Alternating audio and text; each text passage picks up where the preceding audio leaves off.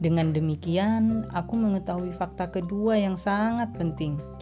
Planet dari mana dia berasal nyaris tak lebih besar daripada rumah. Ini bukan kejutan besar bagiku. Aku tahu betul bahwa selain planet-planet penting, Bumi, Jupiter, Mars, Venus, dan seterusnya yang sudah diberi nama, ada juga ratusan planet lainnya. Beberapa sangat kecil, sehingga kita sulit menemukannya, bahkan lewat teleskop sekalipun. Jika astronomer menemukan salah satu dari planet kecil ini, dia memberinya nomor dan bukan nama. Maka dia bisa menyebutnya misalnya saja asteroid 325. Aku punya alasan bagus untuk mempercayai bahwa planet dari mana pangeran kecil berasal adalah asteroid yang dikenal sebagai B612. Asteroid ini hanya pernah terlihat sekali lewat teleskop oleh seorang astronomer Turki pada tahun 1909. Waktu itu, astronomer Turki ini menyampaikan presentasi hebat atas penemuannya di depan Kongres Astronomi Internasional. Tetapi karena dia memakai pakaian nasional Turki, tak ada seorang pun yang mempercayainya. Orang-orang dewasa memang seperti itu. Untung bagi reputasi asteroid B612 seorang diktator Turki memerintahkan rakyatnya dengan ancaman mati disiksa untuk berganti memakai pakaian Eropa. Pada tahun 1920, astronomer kita mengulangi presentasinya memakai setelan malam yang elegan. Kali ini, semua orang menerima bukti-buktinya. Alasanku menceritakan begitu banyak kepadamu tentang asteroid B612 dan memberitahumu nomornya adalah orang-orang dewasa. Orang-orang dewasa menyukai angka. Ketika kau mendeskripsikan seorang teman baru kepada mereka, mereka tak pernah menanyakan padamu hal-hal yang penting. Mereka tak pernah bertanya, seperti apa suaranya, apa permainan favoritnya, apakah dia mengoleksi kupu-kupu. Bukannya bertanya begitu, mereka malah menuntut. Berapa umurnya? Berapa banyak kakak dan adiknya, berapa beratnya, berapa penghasilan ayahnya. Jika sudah bertanya begitu, barulah mereka mengenal teman barumu. Jika kau berkata kepada orang-orang dewasa, "Aku melihat rumah indah terbuat dari bata merah jambu dengan bunga geranium di jendela-jendelanya dan merpati di atapnya," mereka tak bisa membayangkan rumah semacam itu. Kau harus berkata, Aku melihat rumah yang harganya 100 ribu franc, maka mereka akan berseru, Oh pasti indah sekali. Jadi jika kau berkata kepada mereka, bukti bahwa si pangeran kecil ada adalah bahwa dia sangat mempesona, bahwa dia tertawa, dan bahwa dia menginginkan biri-biri. Kalau orang menginginkan biri-biri, itu bukti bahwa dia ada. Orang-orang dewasa hanya akan mengangkat bahu dan memperlakukanmu seperti anak-anak. Tetapi, jika kau memberitahu mereka planet dari mana dia berasal adalah asteroid B612, maka mereka akan yakin dan kau akan terbebas dari semua pertanyaan mereka. Memang begitulah mereka. Kau tak usah menyesali mereka. Anak-anak harus sangat sabar terhadap orang-orang dewasa.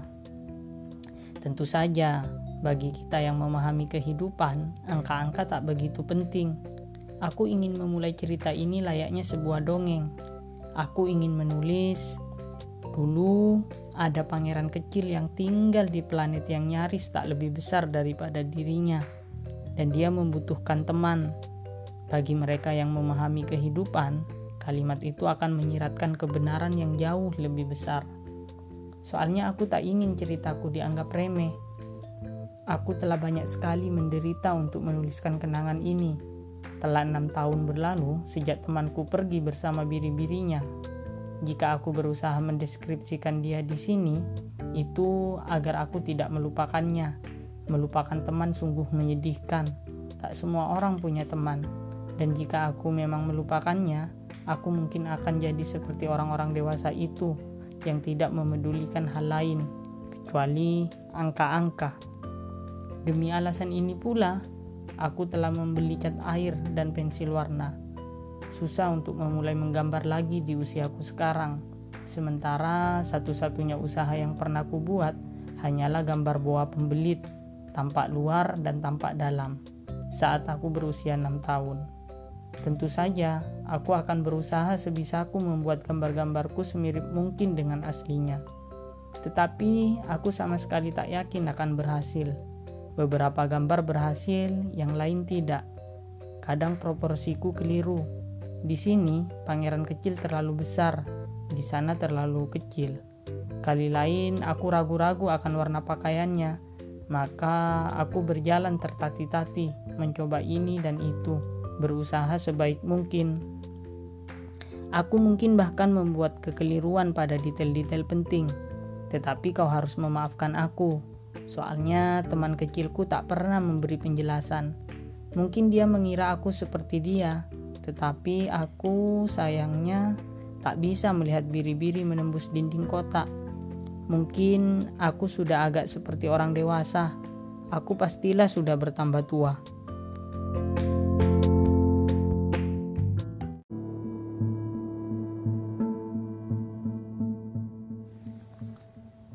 Pada hari kelima, berkat si biri-biri seperti biasanya, rahasia kehidupan si pangeran kecil akhirnya diungkapkan kepadaku.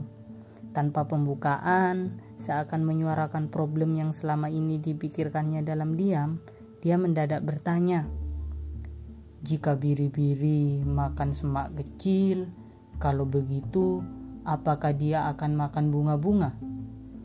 Biri-biri makan apa saja yang ditemuinya, bahkan bunga berduri. Ya, bahkan bunga yang berduri. Kalau begitu, apa gunanya duri? Aku tak tahu jawabnya. Pada saat itu, aku sedang sibuk berusaha mencopot baut yang tersangkut dalam mesinku. Aku sangat cemas karena kerusakan mesinku mulai tampak sangat serius, dan sedikitnya persediaan air minum membuat aku mencemaskan yang terburuk. Kalau begitu, apa gunanya duri? Pangeran kecil tak pernah menyerah begitu saja kalau sudah mengajukan pertanyaan. Aku sedang jengkel pada bautku, maka ku katakan saja hal pertama yang melintas di benakku. Duri tak ada gunanya, duri hanyalah cara bunga untuk bersikap jahat. Oh, hening sesaat. Kemudian dia membantah dengan getir. Aku tak percaya padamu, bunga-bunga itu lemah. Mereka polos, mereka mempertahankan diri sebisa mereka. Mereka mengira mereka menakutkan dengan duri-duri mereka. Aku tidak menjawab. Aku sedang berkata kepada diriku sendiri. Kalau baut ini masih membandel, akan kuketok dengan palu sampai lepas. Pangeran kecil sekali lagi menyela renunganku. Tetapi kau, kau percaya bahwa bunga tidak, tidak, yang kukatakan kepadamu tadi hal pertama yang melintas dalam benakku. Aku sedang mengenangani persoalan serius. Dia terpukau menatapku. Persoalan serius? Dia memandangku. Tangan memegang palu, jari-jari hitam kena oli, membungkuk di atas mesin yang baginya tampak jelek. Kau bicara seperti orang dewasa. Ini membuatku agak malu, tetapi dia meneruskan tanpa ampun. Kau mengacaukan segalanya. Kau mencampur adukkan segalanya. Dia benar-benar sangat marah. Ia menghabiskan rambutnya yang keemasan dalam tiupan angin. Aku tahu sebuah planet yang dihuni orang berwajah merah, dia tak pernah mencium wangi bunga, dia tak pernah memandang bintang, dia tak pernah mencintai siapa pun, dia tak pernah melakukan apa pun kecuali menjumlahkan angka-angka. Dan sepanjang hari, persis seperti kau, dia berulang kali berkata kepada dirinya, "Aku orang yang serius, aku orang yang serius." Dan ini membuatnya membangkak sombong tapi dia bukan orang, dia jamur. Apa? Jamur. Si pangeran kecil pusat pasi saking marahnya. Selama jutaan tahun, bunga-bunga telah menumbuhkan duri. Meskipun demikian, selama jutaan tahun, biri-biri telah memakan bunga. Dan tidakkah itu persoalan serius? Mencoba memahami kenapa bunga-bunga mau bersusah payah menumbuhkan duri yang tak pernah berguna bagi mereka. Tidak pentingkah perang antara biri-biri dan bunga? Tidakkah itu lebih serius dan lebih penting daripada penjumlahan yang dilakukan seorang gendut berwajah merah? Dan jika aku tahu ada bunga yang unik di dunia ini yang tak ada di tempat lain kecuali di planetku, tetapi yang bisa dibinasakan oleh seekor biri-biri kecil dengan sekali gigit. Begitu saja, pada suatu pagi tanpa si biri-biri menyadari apa yang dilakukannya. Nah, kurasa itu juga tidak penting Wajahnya merona merah. Kemudian dia melanjutkan. Jika ada orang yang mencintai bunga, bunga yang hanya ada satu-satunya di antara jutaan bintang, sudah cukup membuatnya bahagia jika dia mengadah memandang langit malam. Dia berkata kepada dirinya sendiri, "Bungaku ada di suatu tempat di sana, tetapi jika seekor biri-biri memakan bunga itu, baginya seakan semua bintang mendadak lenyap." Tetapi kurasa itu tidaklah penting juga. Dia tak bisa bicara lagi. Kata-katanya tersedak oleh isaknya. Malam telah turun. Kubiarkan peralatanku jatuh ke tanah. Aku tak lagi peduli pada paluku atau bautku atau tentang kehausan atau kematian.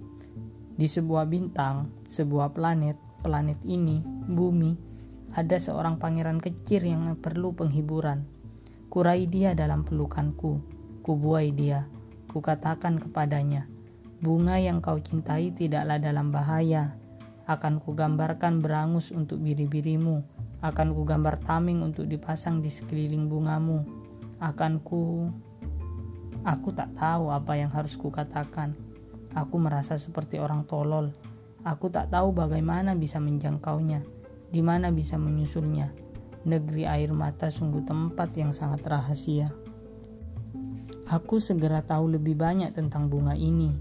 Bunga-bunga di planet pangeran kecil selama ini biasa-biasa saja, dihiasi hanya oleh sederet daun bunga.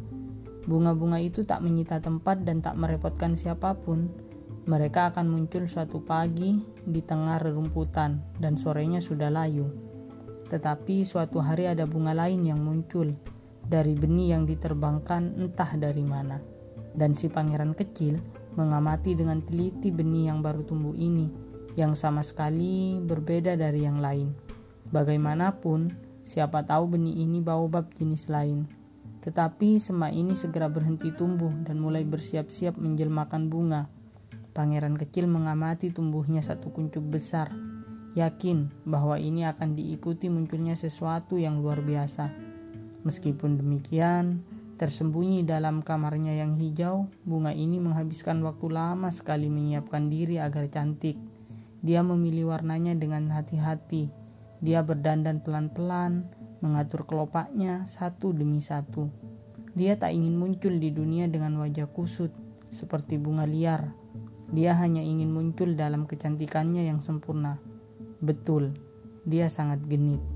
Persiapannya yang misterius perlu waktu berhari-hari. Kemudian, pada suatu pagi, tepat pada saat matahari terbit, dia mendadak memperlihatkan diri. Dan setelah bekerja keras dengan begitu teliti, dia hanya berkata seraya menguap, "Oh, aku belum sepenuhnya terbangun. Kau harus memaafkanku. Aku masih berantakan." Mendengar ini, pangeran kecil tak bisa menahan kekagumannya Betapa cantiknya kau. Cantik bukan? Timpal si bunga dengan manis. Dan aku dilahirkan pada saat bersamaan dengan matahari. Pangeran kecil segera saja menyadari bahwa bunga ini sama sekali tidak rendah hati. Tetapi betapa memukaunya dia. Tentunya sekarang sudah waktunya sarapan, katanya singkat. Maukah kau berbaik hati melayaniku? Dan si pangeran kecil sangat malu mengambil penyiram tanaman berisi air sejuk dan melayani bunga itu. Begitulah dari awal dia menyiksa pangeran kecil dengan kesombongannya. Pada suatu hari, misalnya membicarakan keempat durinya, dia berkata kepada pangeran kecil, "Biarkan saja mereka datang, harimau dengan cakar-cakar mereka. Tak ada harimau di planetku." Pangeran kecil menyela. Lagi pula, harimau tidak memakan rerumputan Aku bukan rumput, gumam si bunga dengan manis. Maafkan aku. Aku pun sama sekali tak takut kepada harimau. Tetapi aku memang ngeri pada kengeri, kekeringan. Kau tak punya tabir yang bisa kupakai. Ngeri pada kekeringan? Itu memang bencana bagi tanaman, komentar pangeran kecil. Lalu dia menambahkan kepada dirinya sendiri, bunga ini sangat rumit. Pada sore hari, kau boleh menyelubungiku dengan kubah kaca. Dingin sekali di planetmu, tak ada yang menyenangkan di tempat asalku. Dia berhenti mendadak karena dia datang dalam bentuk benih dan tak mungkin tahu apa pun tentang dunia lain. Malu karena telah membiarkan dirinya nyaris tertangkap basah saat akan mengatakan kebohongan yang begitu naif. Dia berdehem dua atau tiga kali, membuat si pangeran kecil merasa bersalah.